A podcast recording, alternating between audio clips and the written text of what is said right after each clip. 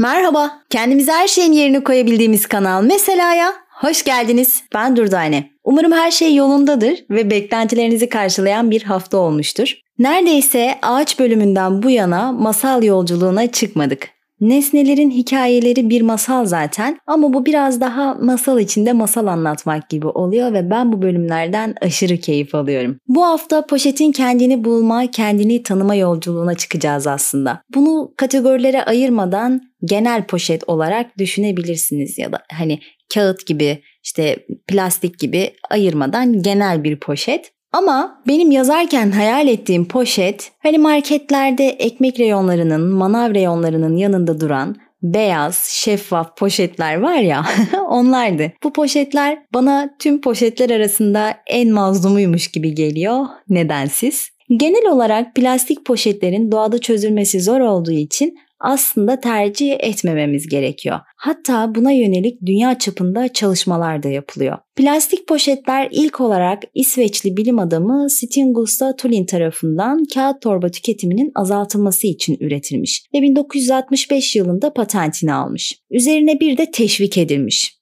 Birden yaygınlaşmış ve önü alınamaz bir hale gelmiş. Eh be abim, kaş yapayım derken göz çıkarmışsın resmen. Bilmiyor musun ki biz insanlar bu güzel gezegene zarar ziyan olalım diye geldik. oldu şimdi? Hem çevre kirliliğine kalıcı bir imza attın hem de plastik poşetlerin kalbini kırdın. Değdi mi?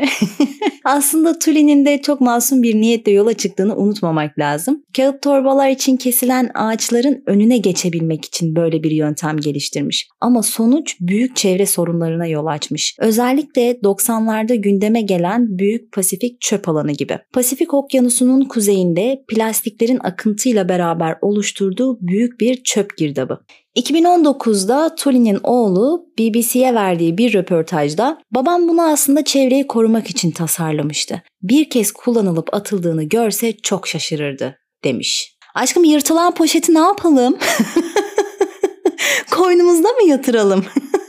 Sen tek seferlik kullanmıyor musun yani şimdi? Şaka bir tarafa da olayın ciddiyeti büyük aslında. Birleşmiş Milletler Çevre Programı her yıl dünyada 5 trilyon, bakın altını çizerek yineliyorum, 5 trilyon plastik poşet tüketildiğini açıklamış. Bunun önüne geçmek için dünyada pek çok ülke ya kendi çapında üretimini yasaklamış ya da ücretlendirmiş. Türkiye'de ise 2018 yılında poşetlerin ücretli olarak satılması uygulaması başlamıştı biliyorsunuz. Plastiklerin denizdeki canlılara verdiği zararın yanı sıra kanalizasyon, tuvalet gibi alanları tıkamasıyla sivrisinek veya haşerelerin üremesine de yol açıyor. Tabi bunlar da hastalıklara yol açıyor. Bu kapsamda farkındalık yaratılması için 3 Temmuz Dünya Plastik Poşet Kullanmama Günü ilan edilmiş. Yine kendi kapımızın önünü temizleyerek başlayacağımız bir konu. Plastik kullanımına yönelik kişisel önlemleri alabileceğimiz ya da en aza indirebileceğimiz. Ama şimdi Göte'nin dünya hassas kalpler için cehennemdir cümlesinde kendini bulan poşet sizlerle.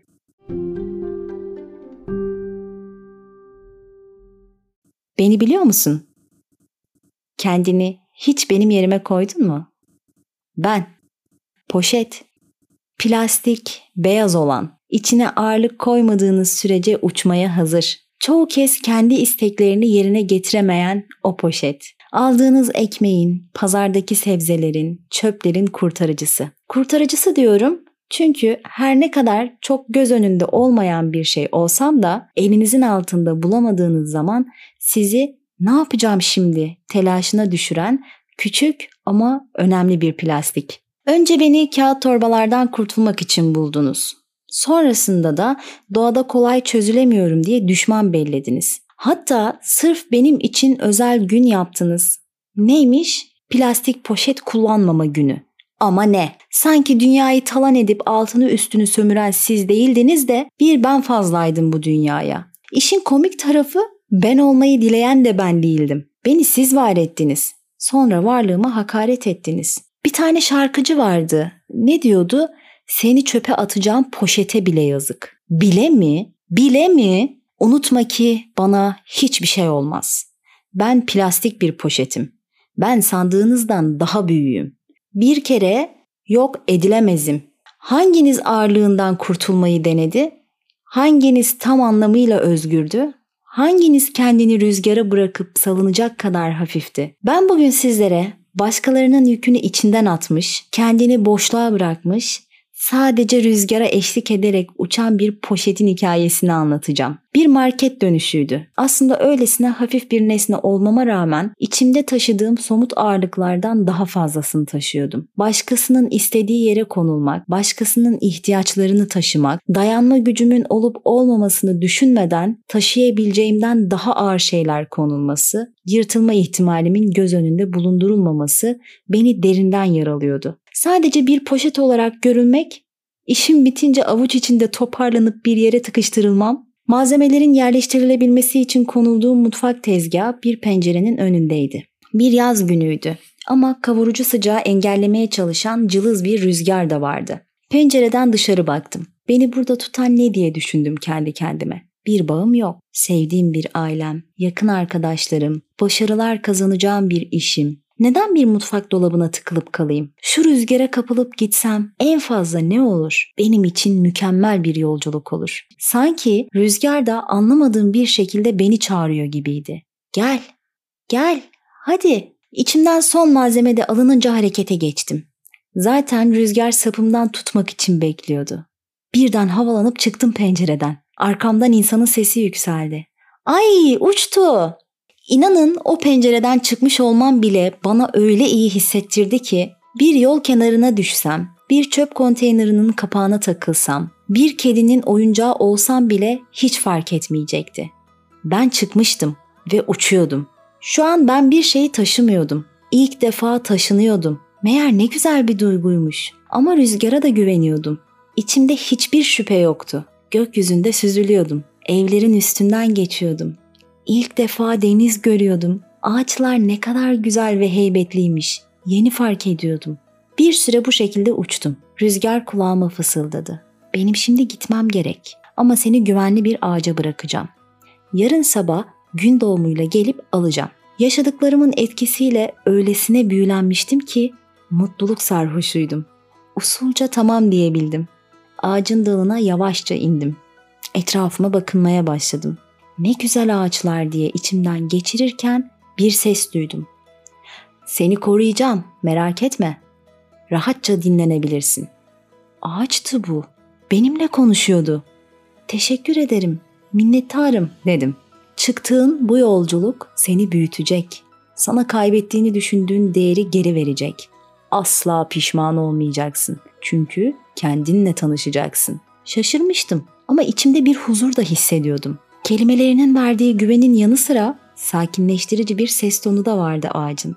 Bu güzel günün tadını çıkarmak, rüyada devam etmek için olacakları düşünerek uykuya daldım. İlk defa düşünmeden, üzülmeden bitirdiğim bir gündü. Sabah güneşinin umut verici aydınlığıyla yeniden rüzgar geldi. Hadi gidelim dedi.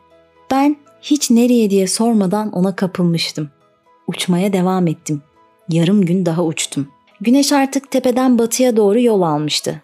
Güzel bir ikindi zamanıydı. Rüzgarın beni getireceği yere gelmiştik. Yol boyu bir tek kelime bile konuşmamıştık. Bir süre havada süzüldüm. Aşağıda sarı ve yeşilin hakim olduğu tonlarda irili ufaklı tepeler, tepelerin üzerinde her renkten güzel çiçek, bulunduğumuz alanı çevreleyen büyük ağaçlar, göz alıcı bir güzellik vardı. Kağıt çantalardan evler, baskılı baskısız birçok plastik poşet günün bu güzel saatini gülerek, eğlenerek geçiriyordu. Bu güzel yer neresi? dedim rüzgara. Burası ait olduğun yer dedi. Kendini eksik hissetmeyeceğin, bu dünyadaki her şey kadar değerli olduğunu göreceğin senin dünyan. O pencereden çıkarken değişim istedin. Şimdi kendinle tanışma zamanı. Burası sonsuza kadar mutlu olacağın yer. Şimdi aşağı ineceksin ve herkes sana kucak açacak. Yavaşça aşağı doğru süzüldüm. Ben inerken tüm poşetler bana bakıyordu ve hepsi birden indiğim yere geldi. Gerçekten hepsi de beni kucaklamak için birbirini geçmeye çalışıyordu. Hoş geldin dedi bir tanesi.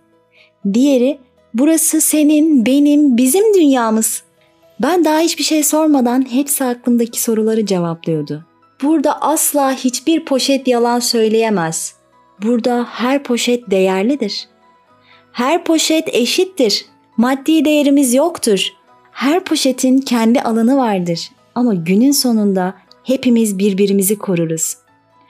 Burada insana ve insanın kötü duygularına ait hiçbir şey yoktur. Burası poşetlerin dünyasıdır. Hepimiz seni çok seviyoruz. O kadar mutlu olmuştum ki gerçekten kendimi hiç bu kadar değerli hissetmemiştim. Kendimi böylesine bir yere ait hissetmemiştim. Gün batımı hiç bu kadar güzel gelmemişti gözüme. Hiçbir gecenin karanlığı böylesine keyifli değildi.